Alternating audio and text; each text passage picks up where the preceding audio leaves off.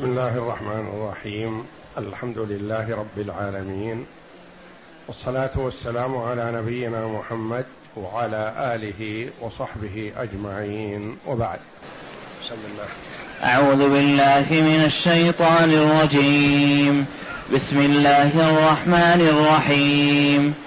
قل يا أهل الكتاب لم تكفرون بآيات الله والله شهيد على ما تعملون قل يا أهل الكتاب لم تصدون عن سبيل الله من آمن تبغونها عوجا وأنتم شهداء وما الله بغافل عما تعملون هاتان الآيتان الكريمتان من سورة آل عمران جاءتا بعد قوله جل وعلا ولله على الناس حج البيت من استطاع إليه سبيلا ومن كفر فإن الله غني عن العالمين.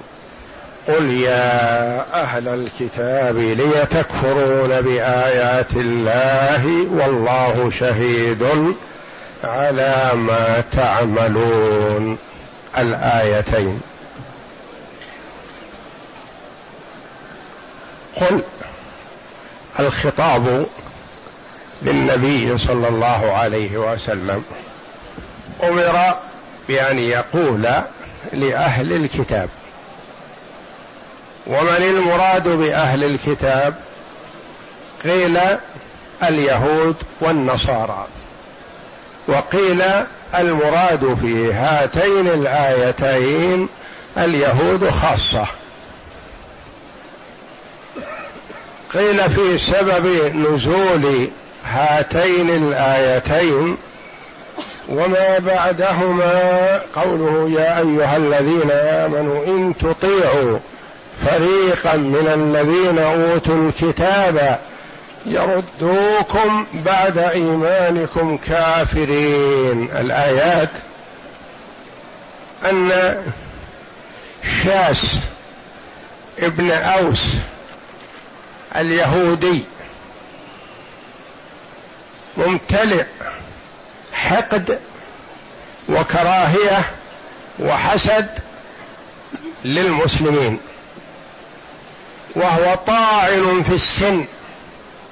أدرك كثيرا من أمور الجاهلية. وما كان عليه الأوس والخزرج من الحروب الطاحنة التي فتكت بهم على أتفه الأسباب. فمر في مجلس فيه الأوس والخزرج. وهم إخوة متحابون متآلفون متعاونون على طاعة الله جل وعلا. فغاضه هذا وحسدهم على ما هم عليه. وأحب أن يدخل بينهم ويذكرهم بالعداوة السابقة. ومعه شاب من شباب اليهود. فقال هذان اتفقا. وباتفاقهما لا مقام لنا في هذا الموطن. فلا بد أن نفرق بينهم. فقال لهذا الشاب اذهب واجلس معهم وتحدث معهم ثم ذكرهم بيوم بعاث يوم من أيام الجاهليه تقاتل فيه الأوس والخزرج وكانت الغلبة للأوس وهم كانوا الأقل أن الخزرج أكثر. وذكرهم وانشد بعض الأشعار التي قيلت فيما بينهم ما قاله بعضهم لبعض. فدخل هذا اليهودي بينهم وجلس معهم ثم بدأ يذكرهم بحالهم السابقة وانشد بعض الأشعار التي قيلت فقام اثنان واحد من الأوس واحد من الخزرج وتقابلا وتقاولا وطال بينهما الكلام. ثم قال بعضهم لبعض إن شئتم اعدناها جذعه فقالوا شئنا السلاح السلاح. فتواعدوا الحرة فخرج الأوس كلهم والخزرج كلهم ومعهم سلاحهم. فعلم بذلك النبي صلى الله عليه وسلم فخرج إليهم ومعه جماعة من المهاجرين رضي الله عن الجميع فقال ما هذا؟ أبدعوى الجاهلية وأنا بين أظهركم. بعد أن من الله عليكم بالإسلام والإلفة والمحبة تعودون إلى ما أنتم عليه في الجاهلية. وذكرهم صلى الله عليه وسلم فندموا ورجعوا وقالوا هذه نزغة شيطان. وإلا فالحمد لله الذي سلمنا منها. وعاد بعضهم يسلم على بعض ويتباكون. ويبكون رضي الله عنهم. وعادوا مع النبي صلى الله عليه وسلم سامعين مطيعين متآلفين. فأنزل الله جل وعلا هاتين الآيتين وما بعدهما على محمد صلى الله عليه وسلم لتوبيخ أهل الكتاب على ما أرادوه من الإيقاع بين المسلمين مع أنهم يعرفون حقيقة أنهم على الحق. ويعرفون صفة محمد صلى الله عليه وسلم في كتبهم. ويعرفون أن الحق هو ما كان عليه هؤلاء. وأنهم أرادوا أن يخرجوهم من الحق إلى الباطل. وأنهم كفروا بما عندهم من الكتب. هم يزعمون أنهم مؤمنون بالتوراة وهم كفار بها لأنهم لو آمنوا بها حقيقة اتبعوا محمدا صلى الله عليه وسلم لأن التوراة كتاب الله. نزل على موسى عليه الصلاة والسلام وفيه الأمر لأهل الكتاب بأن يتبعوا النبي الأمي الذي سيبعث. فهم كفروا بالتوراة ولو آمنوا بها لاتبعوا محمدا صلى الله عليه وسلم لأنها تأمرهم بذلك. فقال الله جل وعلا قل يا أهل الكتاب لم تكفرون بآيات الله؟ ما المراد بآيات الله؟ القرآن أو كتب الله جل وعلا التوراة والإنجيل والقرآن إنها كلها تحثهم على الإيمان بمحمد صلى الله عليه وسلم. لم تكفرون بآيات الله؟ العلامات الواضحة الدالة على صدق محمد صلى الله عليه وسلم. هذه آيات يعرفونها ويعرفون محمدا صلى الله عليه وسلم كما قال الله جل وعلا كما يعرفون أبناءهم. لم تكفرون بآيات الله؟ والله شهيد على ما تعملون. تعرفون أنكم على الباطل بهذا وتعرفون أن الله مطلع عليكم وشاهد على أفعالكم. لما هذه المكابرة؟ والمغالطة والحسد ارجعوا إلى الحق الذي تعرفونه لا يخفى عليكم فأنتم أهل كتاب. فالكفر بمحمد صلى الله عليه وسلم فظيع من كل أحد وخاصة منكم.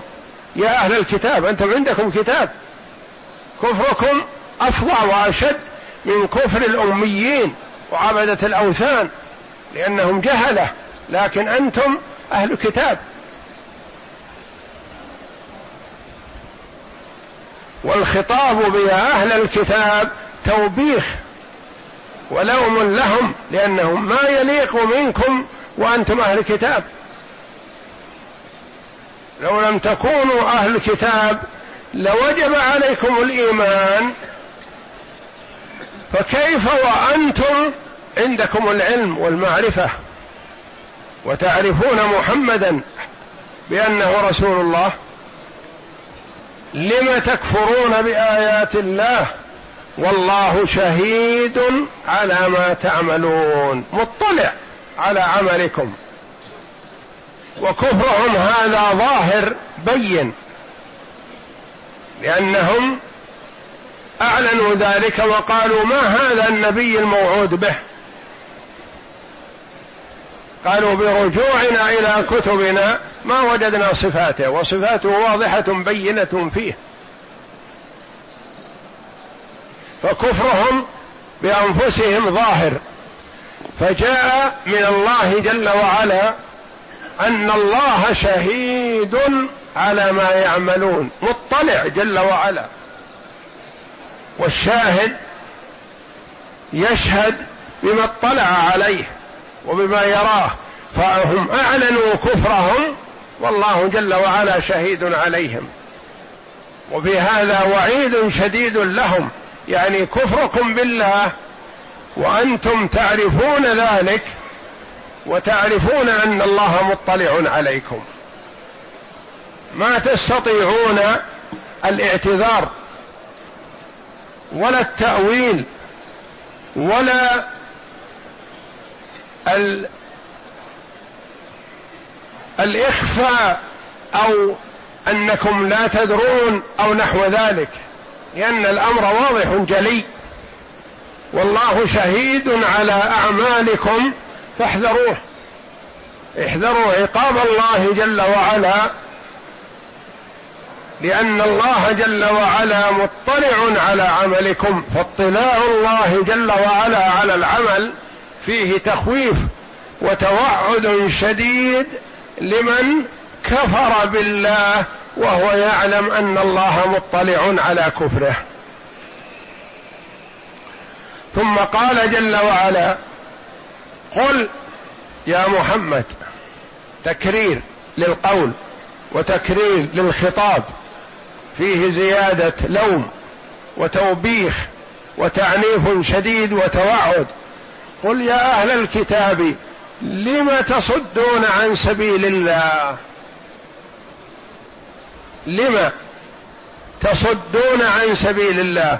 لامهم جل وعلا في الآية الأولى على كفرهم وضلالهم بأنفسهم ثم لامهم على محاولة إضلال الآخرين لأن الأول هم كفار. كفروا بآيات الله. الثاني ما اقتنعوا بكفرهم هم وإعراضهم عن الحق حتى بدأوا يعملون في الخفاء لصرف الناس عن دين الله الحق. قالوا لبعض الصحابة ما هذا النبي الذي نجده في كتبنا؟ يريدون صرفهم عن الحق. والصحابة رضي الله عنهم قد تمكن الإيمان في قلوبهم فلم يرجعوا عن الإيمان إلى الكفر. لم تصدون عن سبيل الله؟ وفعلهم هذا الذي فعله شاس ابن أوس. هذا صد عن سبيل الله يعني حسد ومنع للناس عن الدخول في دين الله الحق. لم تصدون عن سبيل الله من آمن تحاولون الكذب والافتراء على أن هذا هذا ليس هو النبي الموعود به. لم تصدون عن سبيل الله تصرفون وتمنعون الناس عن الدخول في الدين الحق وتكذبون على عوامكم لأن اليهود فيهم علماء وفيهم عوام. فالعوام يرجعون إلى العلماء والعلماء يقولون لا ما هذا النبي الموعود به. تريثوا لا تدخلوا لا تتبعوهم. لأن الجميع علم بأنه سيبعث في آخر الزمان نبي. فكان العوام يرجعون إلى العلماء منهم ويقولون أهوى هذا؟ فيقولون لا. لا تؤمنوا به لا تتبعوه. فهم يصدون عوامهم عن الإيمان بالله ويحاولون صرف الصحابة عن الحق الذي هم عليه إلى إخراجهم إلى الباطل. لم تصدون عن سبيل الله من آمن تبغونها تريدون سبيل الله؟ تبغونها عوجا يعني تصفونها بالميل وتقول هذا لا ليس هو الحق. الحق غير هذا. واتباع هذا الرجل ليس بحق. فهذا ليس هو النبي الموعود به وإنما النبي الموعود به سيأتي ما جاء إلى الآن. تبغونها تطلبونها وتريدونها عوجا يعني تصفونها بالإعوجاج وصراط الله جل وعلا مستقيم. صراط الله يهدي إلى الخير وإلى الجنة. وهم يريدونها ميل وضلال. وتبغونها عوجا وأنتم شهداء والواقع والحقيقة أنكم تشهدون أن ما عليه محمد صلى الله عليه وسلم هو الحق وأنه هو الصواب لأنكم تعرفون ذلك معرفة حقيقية. وما الله بغافل عما تعملون. قال بعض المفسرين رحمهم الله لما كان صدهم ليس على سبيل الوضوح والظهور وإنما لف ودوران وتورية ونحو ذلك. قال الله جل وعلا في وعيدهم وما الله بغافل. يعني ما تخفى عليه ولا يغفل عما في نفوسكم من الصد. ولما كان كفرهم ظاهر في الآية الأولى قال والله شهيد على ما تعملون والشاهد المطلع على الشيء الظاهر البين لأن الغالب أن الشاهد يشهد على ما يسمع ويرى. وما الله بغافل عما تعملون والله جل وعلا تنفى عنه صفة الغفلة لأنها نقص والله جل وعلا مبرر عن النقص والعيب. والإثبات في صفات الباري جل وعلا توقيفي والنفي عام.